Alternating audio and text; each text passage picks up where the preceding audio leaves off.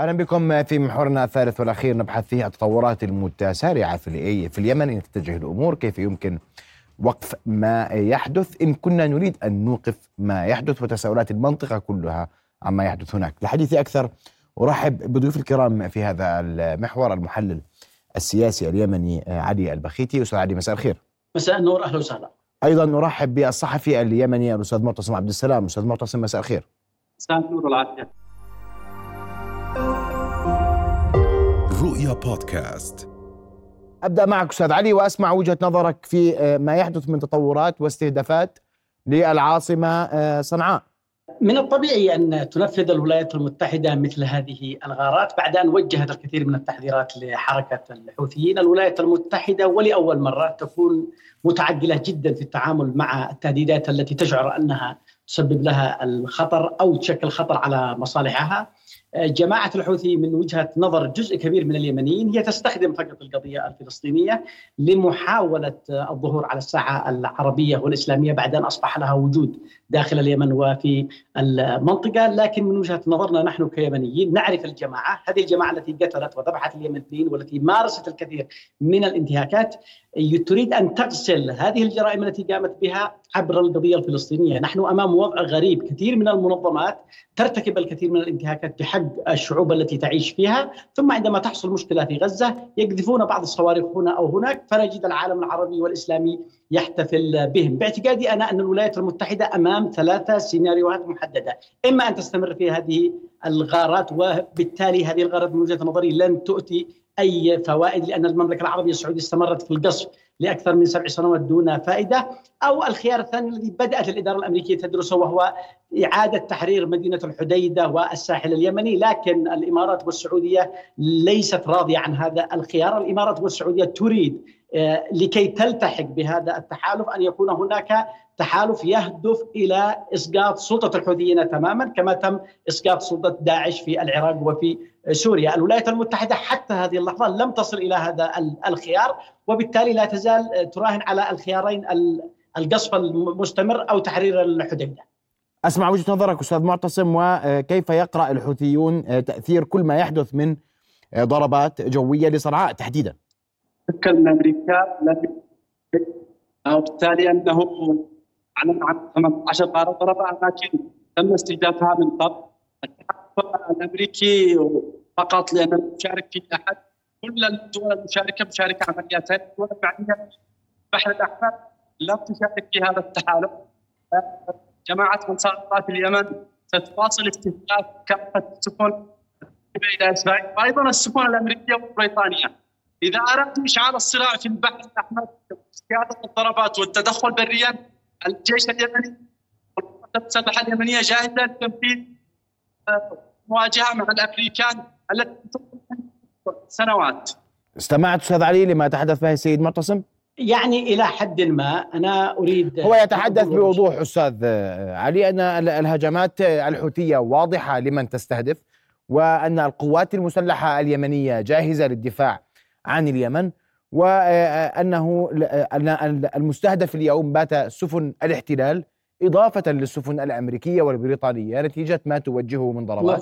وأن كل هذه الضربات لم تؤثر في البنية العسكرية للجيش اليمني أو الحوثي.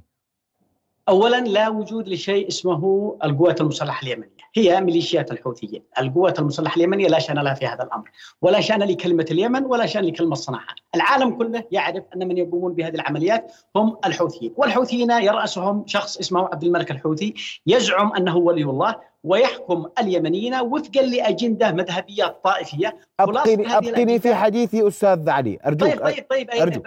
بس أنا أريد أن أدخل لك إلى صلب الموضوع نفسه. هذا الشخص يقود اليمنيين في مغامرات لا شأن لنا بها لا شأن لنا بولاية الأمر التي يزعم من خلالها أنه معني بالدفاع عن القضية الفلسطينية. اليمنيين تحت حكم عبد الملك الحوثي بلا مرتبات اليمنيين يشحتون في الشوارع. هناك أكثر من مليون ونصف يمني يعيشون في مصر بدأ الكثير منهم الآن يشحت في الشوارع وهو عاجز عن تسليم المرتبات في صنعاء ويريد أن يحرر الأقصى وفلسطين. هذا الكلام يعني هراء بالنسبة لنا كيمن. الأمر الآخر الحوثيين يزعمون أنهم يستهدفون السفن الإسرائيلية وهذا ضحك على البسطاء للأسف الشديد. الحوثيين قاموا بعمليات قرصنة في البحر الأحمر. لماذا؟ لأن الحوثيين عندما يذهبوا باتجاه أي سفينة ويطلبوا من هذه السفينة التعريف عن نفسها ويطلب أحيانا منها أن تقبل بأن يصعدوا ويفتشوا هذه السفن هي سفن تابعة لدول ذات سيادة ولا يمكن أن تقبل بميليشيات مسلحة لكي يتأكدوا من أنها خالية مثلا من السلاح أو أنها غير مرسلة إلى إسرائيل. وبالتالي حتى الدول الرسمية لا تستطيع التي هي حكومات رسمية لا تستطيع أن تعترض الملاحة البحرية دون تفويض الدولي وتقوم بتفتيش السفن، ناهيك عن الحوثي، الحوثيين بالتالي السفينة التي ترفض أن يصعدوا على متنها ويقوموا بتفتيشها يقولوا أنهم رفضوا ويجروها إلى الموانئ اليمنية ثم يبتزون الشركة، الأمر الآخر هم يقولون أن هذه السفينة فيها مساهم إسرائيلي، نحن نعرف أن شركات النقل البحري في العالم كله هي شركات مساهمة وفيها ملايين الأسهم وتباع في كل البورصات وحتما هناك أسهم لرجال أعمال إسرائيليين واحد في المليون أو واحد في العشره المليون. فهذه الأعذار واهية ما يقوم به الحوثي هي عمليات قرصنة ونحن نقول أن الحوثي هو السبب الذي جرى هذا التدخل الأمريكي في اليمن ونحن نقول للولايات المتحدة عندما كانت الحديدة على وشك أن تتحرر أنتم من منعتم القوات اليمنية من تحرير الحديدة. الآن تدفعون الثمن. أنا بصراحة مرتاح لما يقوم به الحوثيين لأنه بعد أن ذبحنا وقتلنا وبريطانيا وأمريكا كانت بشكل أو بآخر توقف بعض العمليات التي كادت أن تسقط سلطة الحوثيين. اليوم هم يدفعون الثمن. طيب. أخي العزيز وللشعب الأردني وللشعب اسمح العربي اسمح لي اسمح لي اسمح لي. سأستمع اسمح لي اسمح لي اسمح لي. أسمع رد الأستاذ معتصم أستاذ معتصم تفضل. قائد جماعة أنصار الله السيد عبد الملك الحوثي الوحيد الذي دخل في المعركة رسميا. آه، العالم كله تدخل مع إسرائيل الرئيس الأمريكي والفرنسي والهولندي والألماني كل العالم تدخل مع إسرائيل. العرب جميعهم تركوا إسرائيل وحيدة لم يقف معها سوى الشعب اليمني. هو يقول أنه لا توجد قوات مسلحة يمنية. من يدير اليمن؟ هي القوات المسلحة اليمنية. المياه الإقليمية اليمنية المسؤول عنها وفقا للقانون وفقا لقانون المياه الدوليه أن اليمن هي المسؤولة عن من يمر في البحر ومن لا يمر. بالتالي انهم كيف يحددون نوعية السفن؟ هناك موقع تعرف أن السفينه متجهة إلى إسرائيل وتعرف من أين هي السفينة، إسرائيل قامت بحذف أسماء بعض السفن وعناوينها لأنها كانت ذاهبة لإسرائيل خوفا من الاستهداف اليمني، العرب جميعهم تركوا آه، إسرائيل تدمر غزة حتى اليوم أكثر من 25 ألف قتيل في غزة ولا ولم يتدخل أحد من العرب. بالأمس الرئيس المصري يقول انه إذا طلبت الصومال التدخل وطلبت نجدة النصر سيتم التدخل معها. وبينما فلسطين قريبة لمصر ولدول عربية كثيرة. أنا سؤالي أستاذ معتصم أستاذ معتصم أستاذ معتصم. مساعدات أستاذ معتصم أستاذ معتصم اليوم الحديث هل هل هل من الممكن أن يتعامل الحوثيون مع هذه الغارات إذا ما استمرت واشتدت؟ والسؤال الآخر هل إذا كان هناك أي محاولة ما أسماه الأستاذ علي البخيتي آه، بتحرير الحديدة. هل هذا أمر ممكن اليوم؟ آه بالنسبة للغارات صنعاء تتعرض منذ أكثر من ثمان سنوات. نحن داخلون في السنة التاسعة واليمن تتعرض لغارات جوية تعرضت لآلاف الغارات ومئات الآلاف من الغارات من قبل التحالف الذي شكلته السعودية. ولكن ذلك لم يوقف تطوير القوات المسلحة اليمنية ولم يوقف قدرات الحوثيين ولم يوقف الصواريخ اليمنية والطائرات المسيرة اليمنية. وبالتالي أن تحرير الحديدة لن يتم. حاولت القوات مدعومه بالسعودية والإمارات أن تحرر الحديدة ولم تستطيع الحديدة الآن أصبحت تحت تحت سيطرة جماعة أنصار الله والقوات المسلحة اليمنية. إذا حاولوا أن يتدخلوا في البر القوات اليمنية جاهزة واليمن هي مقبرة الغزاة والجميع يعرف ذلك. إذا حاولوا التدخل بريا فاليمن جاهزة لكل الخيارات وجاهزة أيضا لمواجهة الأمريكي وغيره.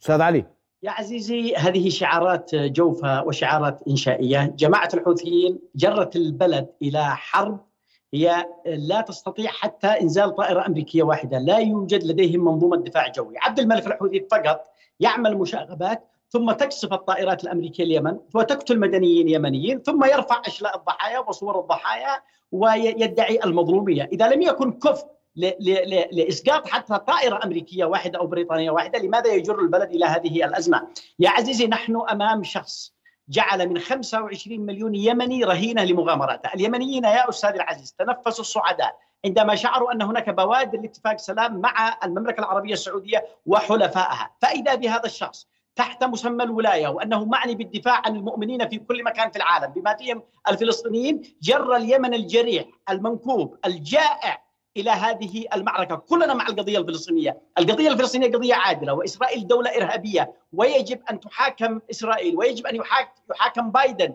ويحاكم رئيس الوزراء البريطاني ريشي سوناك الذي أنا أقيم في بريطانيا وأنا لاجئ هناك. وهو مجرم حرب أقولها من داخل بريطانيا، لكن عبد الملك الحوثي لا يشرف القضية الفلسطينية، القضية الفلسطينية أشرف من أن يناصرها شخص يقتل شعبه، يذل شعبه، يهين شعبه، يحكمهم بنظرية خرافية عمرها. 1400 عام، عبد الملك الحوثي هو رصاصة أتت من القرن الأول الهجري واستقرت في قلب القرن الواحد والعشرين الميلادي. هذا الشخص يا عزيزي أدخلنا من أزمة إلى أزمة جعلنا مشردين في كل بقاع العالم تحت مسمى مناصرة القضية الفلسطينية. لو ناصرت داعش القضية الفلسطينية هل هذا سيبرئها من دماء العراقيين والسوريين؟ لو ناصرت القاعدة القضية الفلسطينية هل هذا سيبرئها من ما ارتكبته في العراق وفي الأردن وفي مصر؟ وفي السعودية من كل هذه الجرائم على الشعوب العربية والإسلامية. أن تدرك أننا بشر من لحم ودم وليس كل مجرم يمكن أن يغسل دمه بالقضية الفلسطينية، نحن مع القضية الفلسطينية ونتمنى أن يتم حصار إسرائيل من كل بقاع العالم،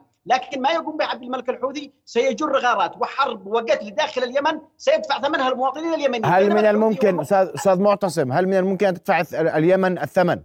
اليمن واقفة مع القضية الفلسطينية منذ سنوات كثيرة، هو السيد عبد الملك أثبت ذلك بموقفه الصامت بموقفه آه مع القضية الفلسطينية اليمن تشارك خلف ذلك لن لن تسقط أي دماء في إيقاف السفن التي تمر عبر البحر الأحمر وبالتالي أن التهديد فقط للسفن التي ترفض الاستجابة للقوات المسلحة اليمنية.